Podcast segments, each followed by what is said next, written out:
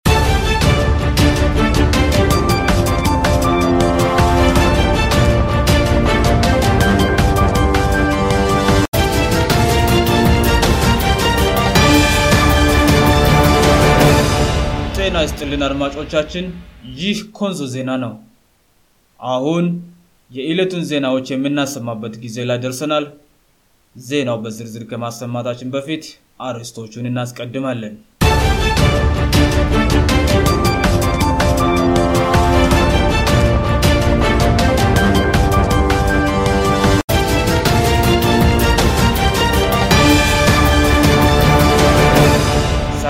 0 የሚሆኑ ወጣቶች ለበኮ ፈቃድ አገልግሎት እንደሚሰማሩ የጎንሶ ዞን ዋና አስተዳዳሪ አስታወቀ የአውሮፓ ህብረት በትግራይ ክልል የሰብው መውት አያያዝ ላይ የሳለፈው ውሳኔ ኢትዮጵያ እንደማትቀበለው የውጭ ጉዳይ ሚኒስትር አስታወቀ ዜናውን ምን የማነብላችሁ ነካፍት ለተራቶሆነን አራ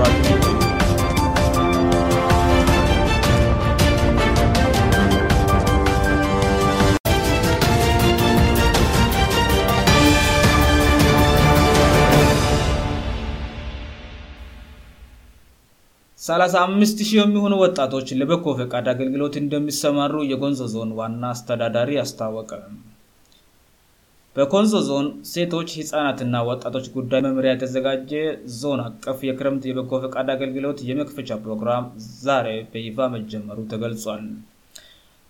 ፕሮግራሙ በወጣቶች በኮ ፈቃድ አገልግሎት ኢትዮጵያንና አልብሳት በምል መሪህ የተከፈተ ሲሆን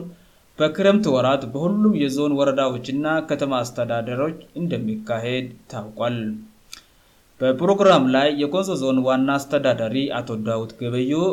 የዞኑ ሴቶች ና ወጣቶች መምሪያ ሀላፊ ወይዘሮ ኤልሳቤጥ ተስፋኤ የዞኑ ብልጽግና ፓርቲ ጽህፈትቤት ኃላፊ አቶ ገብረሃና ገብኖን ጨምሮ የዞኑ ከፍተኛ አመራሮች የወረዳና ከተማ አስተዳደር አመራር የሀገር ሽማግሌዎች ና ወጣቶች ተገኝተል በፕሮግራሙ ላይ የተገኙት የጎንሶ ዞን ዋና አስተዳዳሪ አቶ ዳውድ ገበየው አቅመ ደካማዎችን በመርዳት እና በመደገፍ ሁሉ አቀፍ ሰላም ግንባታ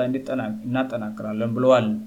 ዋና አስተዳዳሪው አቶ ዳውድ ገበየው በካራት ከተማ 02 ቀበለቀጠ 5 መርመረ ሰፈር በመገኘት የአምስት ልጆች እናትና አቅመ ደካማ ለሆኑት ወይዘሮ ሃልጌ በርሻው ሉባ ሁለ ክፍል ቤት ባለ32 ቅጠል ቆርቆሮ ቤት ግንባታ አስጀምረዋል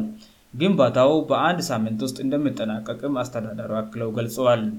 የግንባታ ቁሳቁስ መንግስት ያቀረበ ሲሆን ወጣቱ በትን የማቆም ጭቃ የመርገጥ የመለጠፍ ና አቅመ ድካማናትን ወደ ሞቀበት እንዲገቡ የማድረግ ሀላፊነት እንደተሰጠው ተገልጿል በፕሮግራሙ ላይ የተገኙት የዞኑ ሴቶችና ወጣቶች መምሪያ ሀላፊ ወይዘሮ ኤልዛቤጥ ተስፋኤ የተጀመረው የክረምት በኮ ተግባር ቀጣአይነት እንደምኖረውእና ወጣቱ ለበኮ ተግባር ተሳታፊ በመሆን በሁሉም ወረዳ መዋቅር ተፈጻሜ እንዲሆን ጥሪ አቅርበዋል በክረምት በኮ ተግባር ላይ የሚሰማሩ ወጣቶች ብዛት ሴት 17726 እና ወንድ 17726 በድምሩ 35452 ወጣት ተሳታፊ እንደሚሆኑእና በአ0ር የበኮ አገልግሎት መስጫ መስኮች ለመሰማራት አቅዶ ስራ መጀመራቸው ታውቋል መረጃው የኮንዞ ዞን መንግስት ኮሚኒኬሽን ጉዳዮች መምሪያ ነው ይህ ኮንዞ ዜና ነው የአውሮፓ ህብረት በትግራይ የስብው መውት አያያዝ ላይ ያሳለፈው ውሳኔ ኢትዮጵያ እንደማትቀበለው የውጭ ጉዳይ ሚኒስትር አስታወቀም የተባበሩት መንግስታት ዛሬ አውጥቶ አውሮፓ ህብረት ያቀረበው ሪዞሉሽን በትግራይ ግልል በአፋጣኝ ማነኛውም አይነት የሰባው መብት ጥሰት ና አለም አቀፋዊ የሰብ መብት ህጎች ከመጣስ እንዲያቆሙ የሚጠይቅ ነው ህብረቱ የኢትዮጵያ መንግስት የወሰደውን የተናጠል የቱኩሳቆ ውሳኔ ያደነቀ በሆንም ከቅርብ ጊዜ ጀምሮ ጅምላ ጭፍጨፋዎችን ጨምሮ የተለያዩ የሰባ መብት ጥሰቶች እንዳሳሰበው ገልጿል በ47 የህብረቱ አባላት ድጋፍ በ14 ተቃወሞ ና 13 ድምሰተ አቅበው የጸደቀው ሪዞሉሽን የኤርትራ ወታደሮችን በአስቸኳይ ከትግራይ ግልል ለቀው እንዲወጡ የሚጠይቅ ነው ይህንን ተከትሎ የኢትዮጵያ የውጭ ጉዳይ ሚኒስትር ዛሬ ባወጣው መግለጫ ውሳኔው እንዳሳዘነው ገልጿል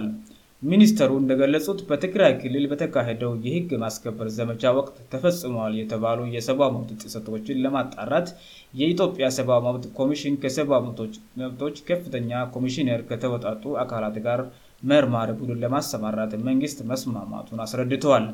የጋራ ቡድኑ በዚህ አመት ግንቦት ወር ምርመራውን የጀመረ ሲሆን ነሀሴ 221 ስራውን ያጠናቀቃል ተብሎ ይጠበቃል በአሁኑ ሰዓትም ወታደራው የፊትህ ስርአትን የክልል ህግ አስከባሪ ባለስልጣናትን የፈደራል መርማሪዎችንና አቃቢ ህግን በማቀናጀት ምርመራዎች በስፋት እየተደረጉ መሆኑን አውስተል ኅብረቱ ውሳኔውን ከማሳለፉ በፊት የኢትዮጵያን መንግስት የውሳኔ ሀሳቡን በተመለከተ ያቀረበው አበቶታ ከገሚት ውስጥ እንዳልገባ ገልጿል ውሳኔው እጅግ የፈጠንና የተቀናጀ የሰብመብት ጥሰት ሁኔታ ላይ የሚካሄደው ምርመራ ሂደት ላይ ጣልቃ መግባት መሆኑንም ሚኒስትሩ አመለክተዋል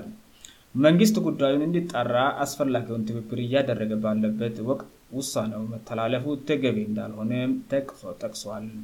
ይህ ሁሉ ጥረት እየተደረገ ውሳነው መተላለፉ የሞራልም ሆነ የህግ መሰረት እንደሌለው ገልጸው ውሳኔው የፖለቲካ ፍላጎት እንዳለበት ተንጸባርቋል ማለቱም የኢትዮጵያ ዜና አገልግሎት ይዘግቧል ዜናው የአልጀዚራ ና የኢትዮጵያ ዜና አገልግሎት ነው ይህ ኮንዞ ዜና ነው ዜናውን ከማብቃታችን በፊት አሪስቶቹን እናስታውሳለን 350 የሚሆኑ ወጣቶች ለበኮ ፈቃድ አገልግሎት እንደሚሰማሩ የኮንዞ ዞን ዋና አስተዳደሪ አስታወቀ የአውሮፓ ህብረት በትግራይ ክልል የሰባው መብት አያያዝ ላይ ያሳለፈው ውሳነ ኢትዮጵያ እንደማትቀበለው የውጭ ጉዳይ ሚኒስትር አስታወቀ ይህ ኮንዞ ዜና ነው